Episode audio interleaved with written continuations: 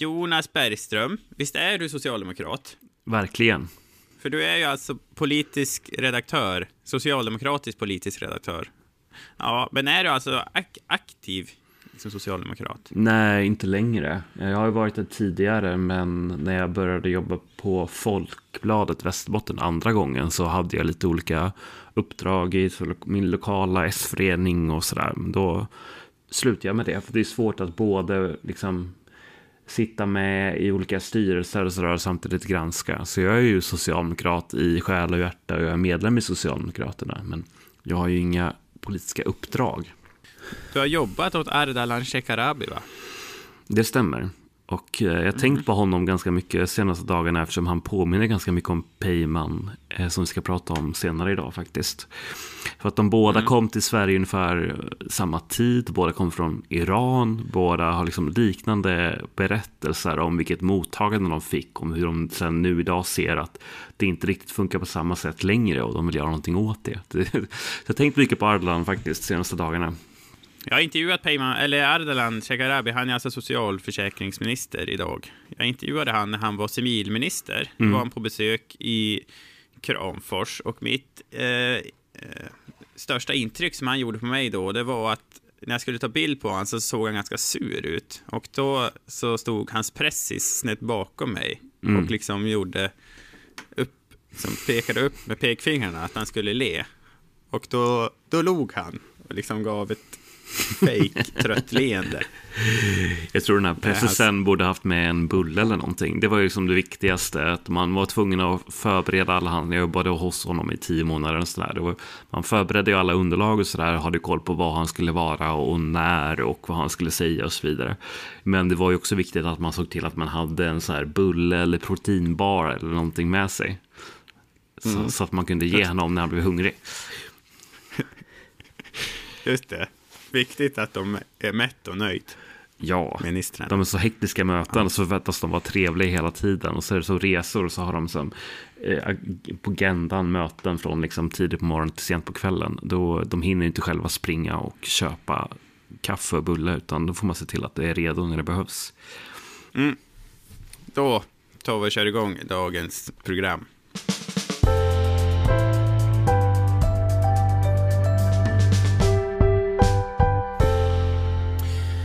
Välkommen till avsnitt eh, fyra. Det är podden Ångermanland du lyssnar på med mig, Anton Korén. Det är en nyhetspodd från den redaktion som är bäst i världen på Ångermanland. Det är tidningen Ångermanland. Vi spelar in tisdag den 15 mars. Klockan är nu 11.40. Jonas Bergström, socialdemokratisk politisk redaktör här på tidningen Ångermanland är med idag. Hallå där, välkommen. Hallå, tack så mycket. Ära att få vara med. äran är eh, på min sida, skulle jag vilja säga. Eh, du är eh, i Härnösand på redaktionen där. Jag är hemma i Härnösand på min bonusdotters rum bland målarfärg och en Minecraft-fönsterlampa. vad har du för miljö? Där du sitter? Jag sitter i ett litet eh, bortglömt rum här som jag tror inte att hyresvärden riktigt har förstått att vi använder. Så det är liksom ett eh, förråd typ där det ligger lite inslagna mattor och tavlor och grejer. Men det är ganska bra ljudakustik här inne. Så att... eh, idag eh, ska vi prata om ifall det kommer göras kaos med Socialdemokraterna i Kramfors. Senare ska vi också prata om att det har börjat komma flyktingar till Ångermanland och hur eh, Krambo ska göra med de husen som de tänkte avveckla. Eh, vi kommer också prata lite grann om hur det går med brandbombs eh, förundersökningen i Sollefteå, om det ens är en brandbomb. Eh, men i alla fall, Ångermanlands kändaste rektor, Peyman Vahedi, eh, han ger sig in i politiken. Peyman Vahedi, kan du ge en liten bakgrund på vem det är, Jonas?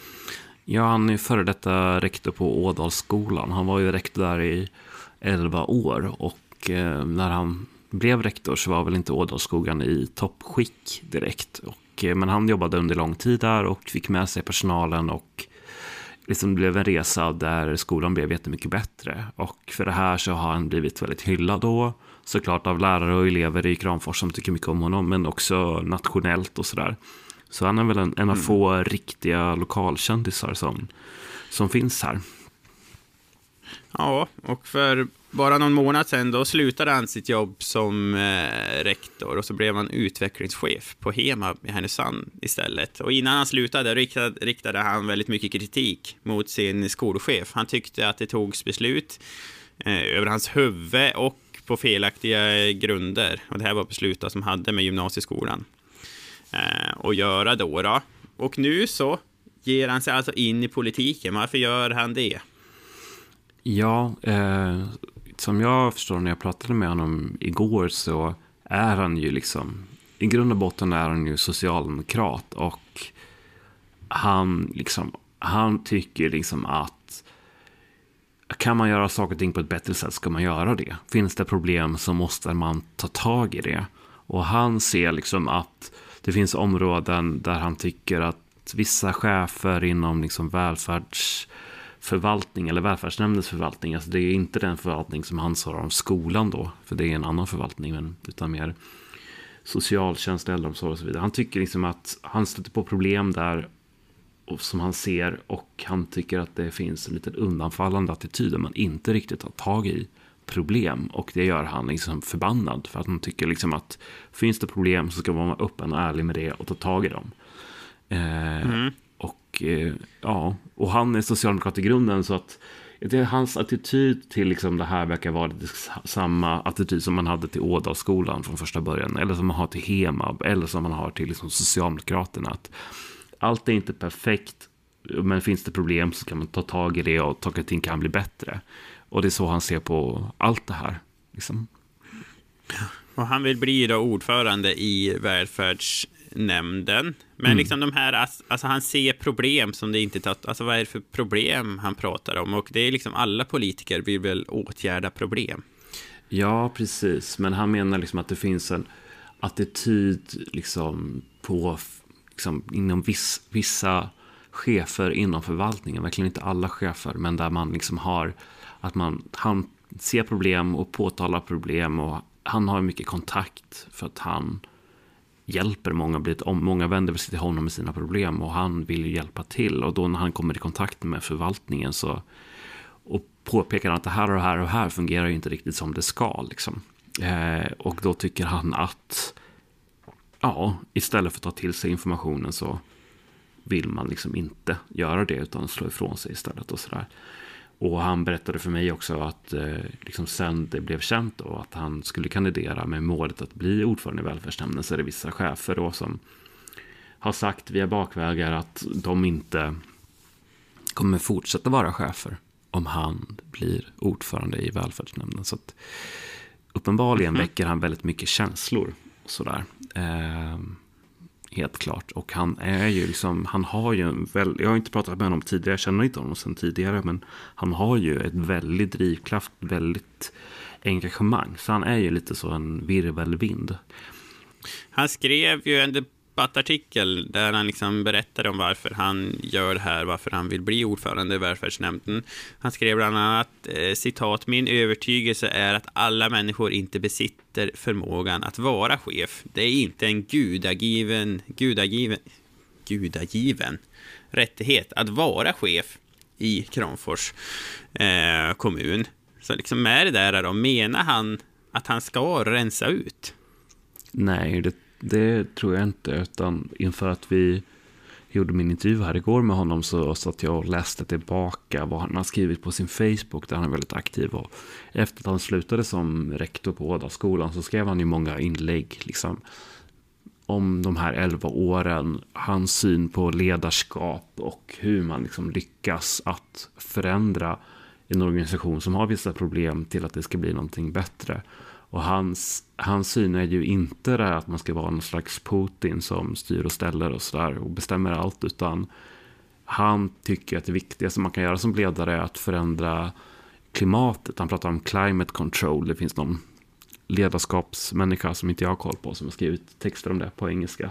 Eh, att det är det han vill förändra. Så om man förändrar klimatet och kulturen, då kommer de allra flesta hänga med. Liksom. Och sen så kommer det kanske vissa som bar upp den här gamla kulturen som man inte vill ha kvar längre. De kanske kommer protestera och sådär. Men då menar han att de kommer ju lämna självmant. Så att han och att liksom och att chefer säger att de ska sluta om han blir ordförande. Det är väl också ett tecken på det på något sätt. Att om man själv inte känner att man trivs i en liksom, den förändring som inleds i en organisation, då, då kommer man ju kanske söka sig därifrån. Liksom.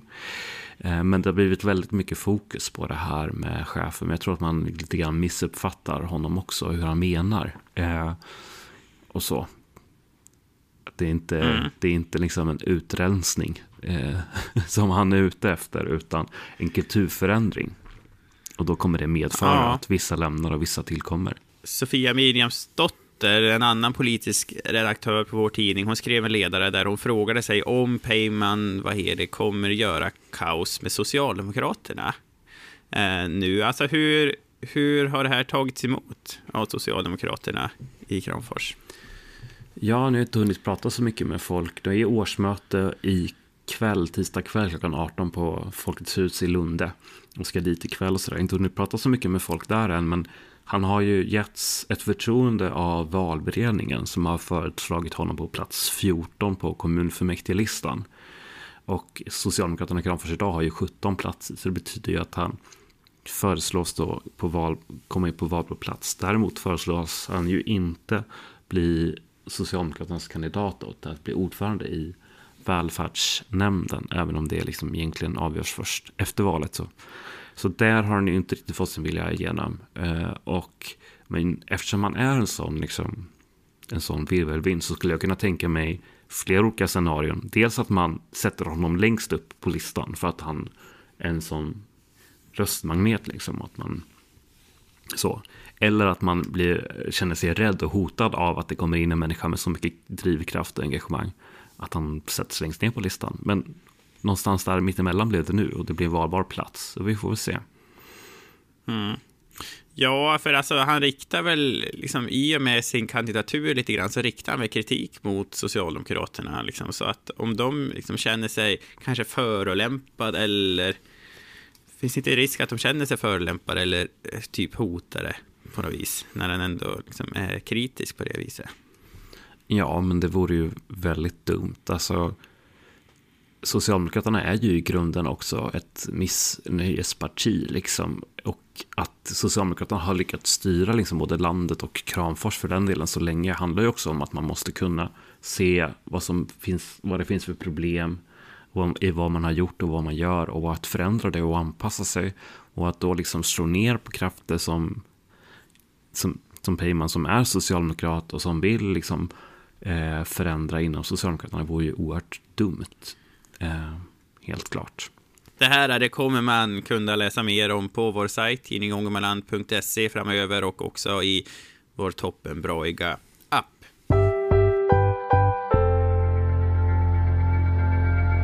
Då går vi vidare i podden. Ska prata om hur arbetsveckan har varit. Eh, Jonas, du har frågat dig om Moderaterna har, eh, håller på att förklara krig mot Sollefteå. Hur tänker du då?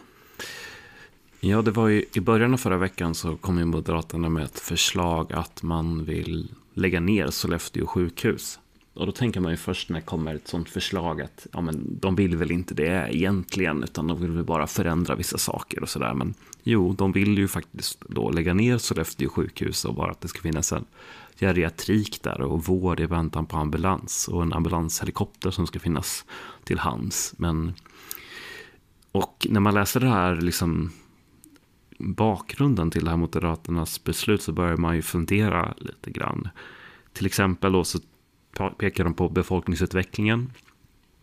Men de tar inte med liksom senaste året och så. Och då har det ju snarare varit så att i Sollefteå så har man en positiv trend när det gäller inflyttande men i Sundsvall har man en negativ trend. Och du Katarina pratade ju tidigare här om just liksom pandemin och det kan leda till att man ser förändrade vanor när det gäller befolkningsstruktur och var man väljer att bo. Det har vi ju sett också nu i statistiken som har kommit. Så det är väl en sån anledning. Eh, en annan är ju liksom de kommentarer som har varit efteråt. Där eh, Lena Asplund då, som är regionråd och är från Sollefteå säger liksom att att det här är helt huvudlöst. Men de kommer bara köra över oss för att det är fler moderater i Medelpaden i lilla Sollefteå. Så därför så kommer de vinna. Och att det är lite grann... Det finns en sån syn i, här i Västernorrland att alla vill försvara sitt sjukhus. Och det är ju ett väldigt dumt sätt att se på det. Men det verkar ju tyvärr vara så. Då. Trots att liksom Sollefteå sjukhus så finns det ju framförallt en avdelning, avdelning 15, som är helt avgörande för att göra massa knä och höftoperationer och sådär på löpande band och som avlastar både Sundsvalls sjukhus och Öviks sjukhus men även liksom sjukhuset Östersund och sådär. Så mm. det vore ju väldigt dumt då när det är personalkris och sådär att lägga ner fullt fungerande verksamhet. Med en hänvisning till en befolkningsstruktur som kanske också snarare gynnar Sollefteå just nu än Sundsvall. Det blir lite märkligt.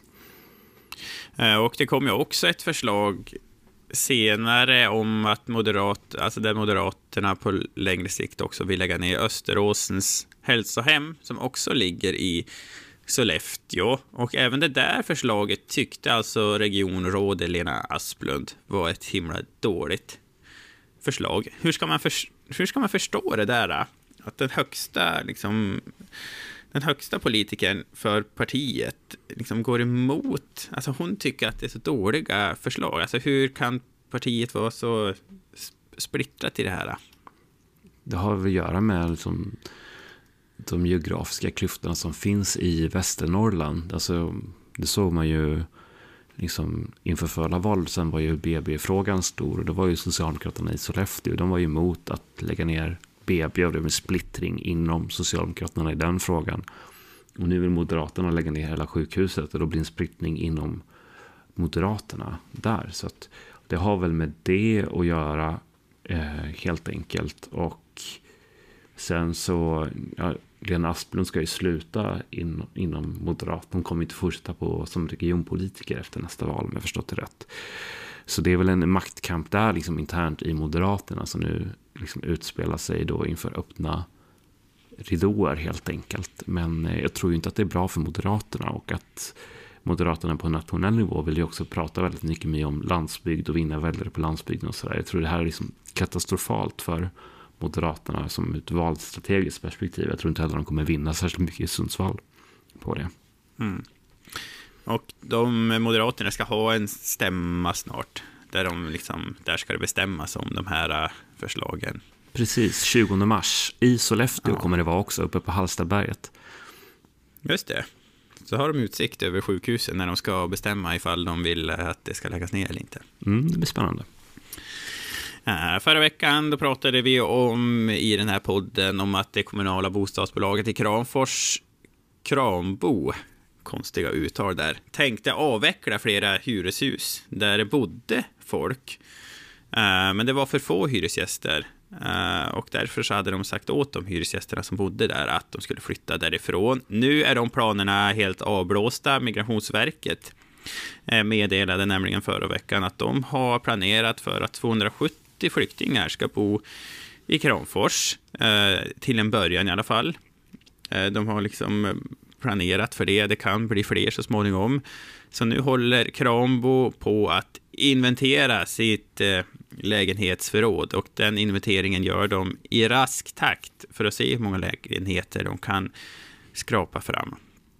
Och då tänker de att flyktingarna ska bo i bland annat Veja och Bollstabruk, orter där de hade tänkt att de skulle göra sig av med hus. Men nu så får flyktingarna bo där istället då.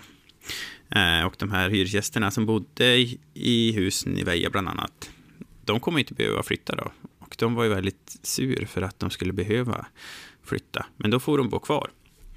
Eh, men det har ju redan flyttat folk från de där husen för att Kronbo hade sagt åt dem att de vill att de ska flytta därifrån. Eh, och många har också letat lägenhet, liksom lagt ner mycket jobb på det där. Men nu så kommer de få bo kvar och de blir förmodligen granne med ukrainare så småningom. Det har också kommit flyktingar till Ångermanland, både till Härnösand och också till Junsele, där det kom nio personer eh, förra veckan.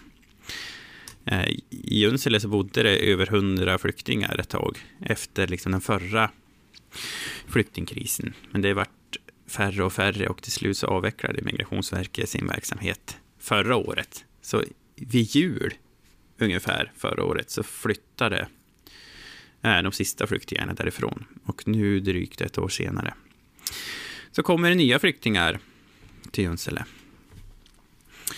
Eh, vi kan också nämna att polisutredningen kring eh, den här misstänkta mordbranden i Sollefteå går vidare. Det har spekulerats en del om det, om det var en brandbomb som orsakade den där eh, branden. Eh, på en fråga om det där säger polisen citat, vi har inget att säga kring den biten. Det finns uppgifter om att det ska ha hänt, men jag vill inte kommentera mer kring det, eh, säger förundersökningsledare Jonas Holmström till tidningen Ångermanland. Så det finns uppgifter om att det ska ha hänt, men de vill inte kommentera mer kring det där. Fortsättning följer. Det här är eh, podden Ångermanland, en nyhetspodd från tidningen Ångermanland. Läs de senaste nyheterna i, i appen eller tidningen ångermanland.se.